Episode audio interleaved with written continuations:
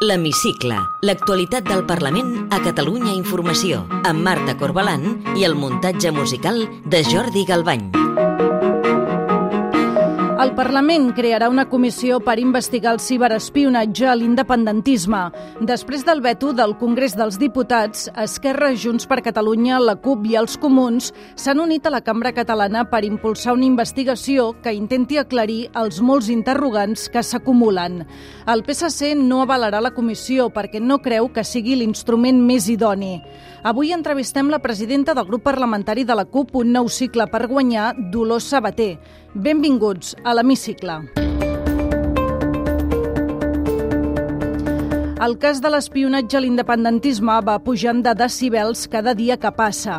El president de la Generalitat, Pere Aragonès, ha acusat Pedro Sánchez de dinamitar el diàleg per la gestió que està fent del Catalan Gate i insisteix que calen dimissions. La gestió d'aquest espionatge que està fent el president Pedro Sánchez, malauradament, en aquests moments està dinamitant la via del diàleg i de la negociació que vam impulsar de forma decidida ara fa un any.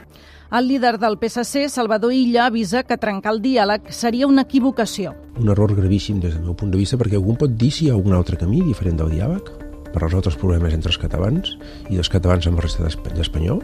Davant la negativa del Congrés a crear una comissió d'investigació, el Parlament impulsarà una amb el suport dels grups independentistes i també dels comuns. La diputada d'Esquerra, Raquel Sanz, ha demanat al PSC que recapaciti el seu rebuig a la comissió. Això bàsicament va de transparència i democràcia o espionatge i clavegueres de l'Estat i per tant el PSC té l'oportunitat en aquest cas de posicionar-se amb la transparència i la democràcia o de posicionar-se amb les clavegueres i amb, i amb aquest espionatge habitatge. La portaveu de Junts per Catalunya al Parlament, Mònica Sales, lamenta que els socialistes hagin vetat la comissió al Congrés i tampoc no avalin la que es crearà a la Cambra Catalana. Pedro Sánchez no té cap voluntat d'arribar fins al final per saber la veritat del Catalan Gate. El que és normal al Parlament Europeu o el que és normal al Parlament de Catalunya no és normal i avui ho hem vist al Congrés dels Diputats. Des de la CUP, el diputat Xavier Pellicer confia que els màxims responsables del govern espanyol compareixeran a la comissió d'investigació, tot i que diversos informes del Consell d'Estat assenyalen que no estan obligats a donar explicacions davant de parlaments autonòmics. Si no tenen res a amagar, si és un cas que volen esclarir, si tenen tanta pressa en anar als tribunals quan diuen que són ells víctimes de l'espionatge, per què no haurien de voler venir a donar explicacions al Parlament de Catalunya? La presidenta del grup d'en Comú Podem, Jessica Albiach, insisteix que cal que s'assumeixin responsabilitats. Com a membres del govern central és evident, i encara amb més motiu, que som les primeres interessades en conèixer tota la veritat en esclarir la veritat, en què s'arribe fins al final i en què es depuren responsabilitats. Vox, Ciutadans i el Partit Popular critiquen que els partits independentistes s'hagin incorporat a la Comissió de Secrets Oficials del Congrés. El diputat de Ciutadans, Nacho Martín Blanco, també ha tret transcendència al Catalan Gate. Creo que hay que negar la mayor. De hecho, eh, a nuestro juicio no se puede hablar de un Catalan Gate cuando estamos hablando eh, de, un, eh, de un espionaje, eh, supuesto espionaje, eh, que afecta a personalidades, a dignatarios de todo el mundo. El ple del Parlament de la setmana que ve també estarà marcat per l'espionatge amb el debat de diverses mocions de condemna que presenten els grups independentistes. Té la paraula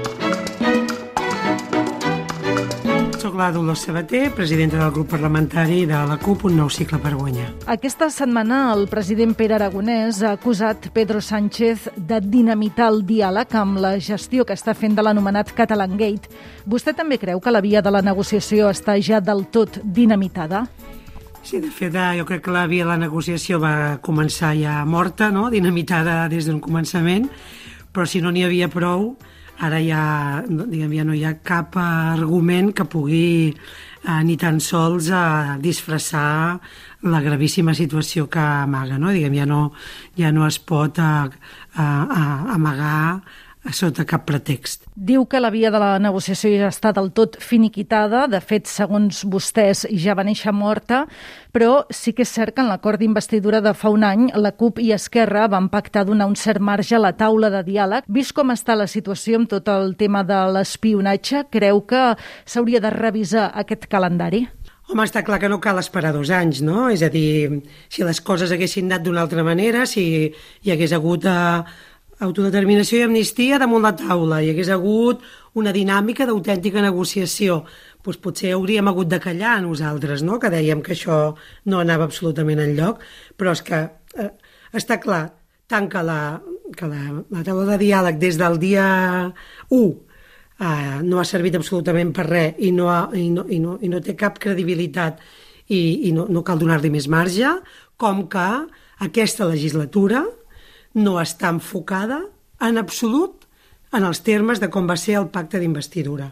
El govern està enfocant la legislatura cap a un rumb del que ens anem de desentendre totalment perquè no, no està complint res i no cal esperar més perquè ja es veu que això mm, va pel pedregar. L'independentisme està preparant algun pla B per si fracassa ja definitivament aquesta taula de diàleg? Com que ja se sabia que fracassaria, nosaltres tenim una proposta alternativa, l'hem posat eh, damunt la taula moltes vegades i és evident que eh, s'ha d'anar cap a aquest camí, que és el de que eh, hi ha d'haver un nou referèndum, però no un referèndum acordat amb l'Estat. Tant de bo hi pogués ser com a Escòcia, però no, no, no podem fiar a, o sigui, l'independentisme no pot dependre de, del que faci l'Estat perquè justament l'Estat el que està fent és perseguint l'independentisme, és intentant aniquilar-lo, i, ja, i, i ara amb el Catalan Gate encara s'ha vist més, no? Sense deixar de banda encara el Catalan Gate, eh, amb el suport de la CUP, d'Esquerra, de Junts i dels Comuns, el Parlament crearà una comissió per investigar l'espionatge massiu a l'independentisme. Com valora vostè que el PSC se n'hagi desmarcat? Jo crec que és una equivocació política important tant estratègica com tàctica, no? Penso que, que i per això dic que s'entén i no s'entén, no? Perquè des d'un punt de vista s'entén perquè en el fons si, si el PSOE també està jugant aquest joc, no? Però alhora aquí a Catalunya semblava que volien canviar i al cap i a la fi eh, es, es cauen totes les màscares, no? I és una caiguda de màscara, no? Aquesta decisió que ha fet el PSC aquí al Parlament no volent-se sumar a una comissió d'investigació que està investigant eh, un greuge gravíssim que pateix els seus companys parlamentaris no? de, de representació política en una institució eh, com és el Parlament de Catalunya, crec que tenien l'excusa perfecta per sumar-s'hi encara que que l'Estat estessin sumant-se amb la dreta i extrema dreta per evitar aquesta comissió d'investigació. No? Jo crec que és un error molt greu que comet el PSC, que comet el PSOE, i que l'únic que fan és eh, eixamplar la base del populisme d'extrema dreta. Després d'aquest desmarcament del PSC respecte a la comissió d'investigació, creu que el govern i els partits del govern haurien de trencar qualsevol pacte amb els socialistes? És que el govern i els partits del govern haurien de ser conscients de, de quin joc juga el Partit Socialista, no? I, i haurien de donar-se que el seu compromís per tirar endavant aquest país eh, no està passant pel respecte als grans consensos de país com són el, de, el dret a l'autodeterminació, la llengua, a la defensa de la llengua, eh, la, la defensa de, de la, del, del poble català amb tota la seva amb tots els seus àmbits, no? I, i per tant, jo crec que sí, que hauria de ser un toc d'atenció, hauria de ser un toc d'atenció, no?, definitivament. Ja tenen pensades les compareixences que demanaran a la comissió d'investigació? I estem treballant. Encara, encara no les tenim totes, totes definides. Entenc que demanaran segur la compareixença del president Pedro Sánchez i de la ministra de Defensa, com a mínim. Com a mínim, aquests ha, han de donar explicacions clarament. Una altra de les carpetes obertes al Parlament és la reforma del català per fer front a la sentència que obliga a impartir un 25% de castellà a l'escola. El PSC, Esquerra Junts i els Comuns van proposar una reforma de la llei de política lingüística, però la seva aprovació s'ha ajornat sine die després que una part de Junts se n'ha desmarcat. La CUP ha demanat des del primer moment que es retiri aquesta reforma de la llei de política lingüística. Tenen converses amb Junts perquè aparquin definitivament aquesta reforma? Sí, evidentment tenim converses amb tothom perquè aquest és un tema que ens preocupa moltíssim i, i vull recordar que la proposta que nosaltres vam fer sí que comptava amb el consens social, perquè la, el motiu que s'hagi endarrerit la discussió al Parlament d'aquesta proposta que suposadament comptava amb un consens però que en realitat només tenia el consens dels despatxos dels quatre partits eh, no és només el fet de que Junts eh, doncs estigui um, en dubte, sinó també que no hi ha un consens social ni dels sindicats majoritaris de l'ensenyament, ni de les associacions de famílies, ni de, ni de les grans entitats del país que defensen eh, la llengua. I, per tant, eh, és evident que no hi ha aquest consens. Hi ha alguna possibilitat que la CUP arrossegui Esquerra, Junts i els comuns almenys cap a la seva proposta? Bé, jo crec que a la, que hi ha alguna possibilitat que arrosseguin cap a la proposta és la comunitat educativa i les entitats en defensa de la llengua. És a dir, la nostra opció, la nostra proposta no és només la proposta d'una organització política, d'un espai polític.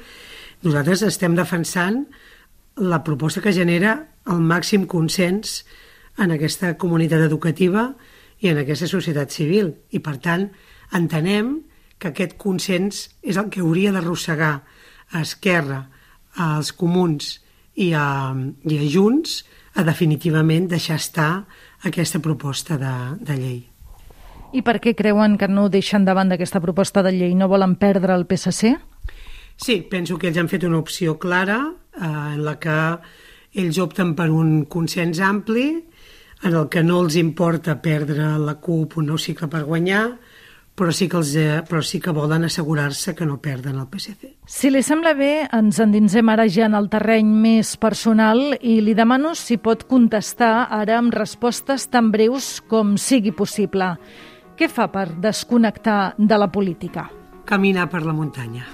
Per què li diuen la noia del camió? Perquè de jove ja vaig trencar alguns estereotips de gènere um, conduint un camió de, als 18 anys, no? i era de la feina d'una menestraleria de la meva família, de la, a, que, a la que jo ajudava. No? Vaig trencar estereotips de gènere des de molt aviat. Què li agrada més, fer de diputada o d'alcaldessa de Badalona? Veient eh, el desastre que, amb el que s'ha convertit la política municipal a Badalona, eh, m'agradaria tenir l'oportunitat de, poder, de, de, de que allò es redrecés, no? Però també crec que tot l'ho après des del municipalisme i portar el municipalisme, la mirada municipalista al Parlament, és un repte molt interessant i que pot contribuir a millorar molt la, la vida als municipis de tot el país. Redreçar la política municipal de Badalona vol dir que voldria tornar-se a presentar de candidat a l'alcaldia? No, això ja no està, no està en el, a l'agenda, Quin diputat o diputada ideologia banda fitxaria per al seu grup? La Gés González dels Comuns. Té algun paisatge favorit? Muntanya, bosc i sobretot si té, si té restes arqueològiques per conèixer. I ja per acabar, completi la frase següent. El que més m'agradaria del món és... Que les guerres i l'armamentisme, la cursa armamentista, s'acabessin per sempre més. Dolors Sabater, presidenta del grup parlamentari de la CUP, un nou cicle per guanyar. Gràcies per atendre'ns a l'hemicicle de Catalunya Informació. Moltes gràcies a vosaltres per la feina que feu cada dia. Podeu tornar a escoltar l'hemicicle al web catradio.cat barra hemicicle o al podcast del programa i seguir l'actualitat del Parlament al perfil de Twitter arroba L-hemicicle.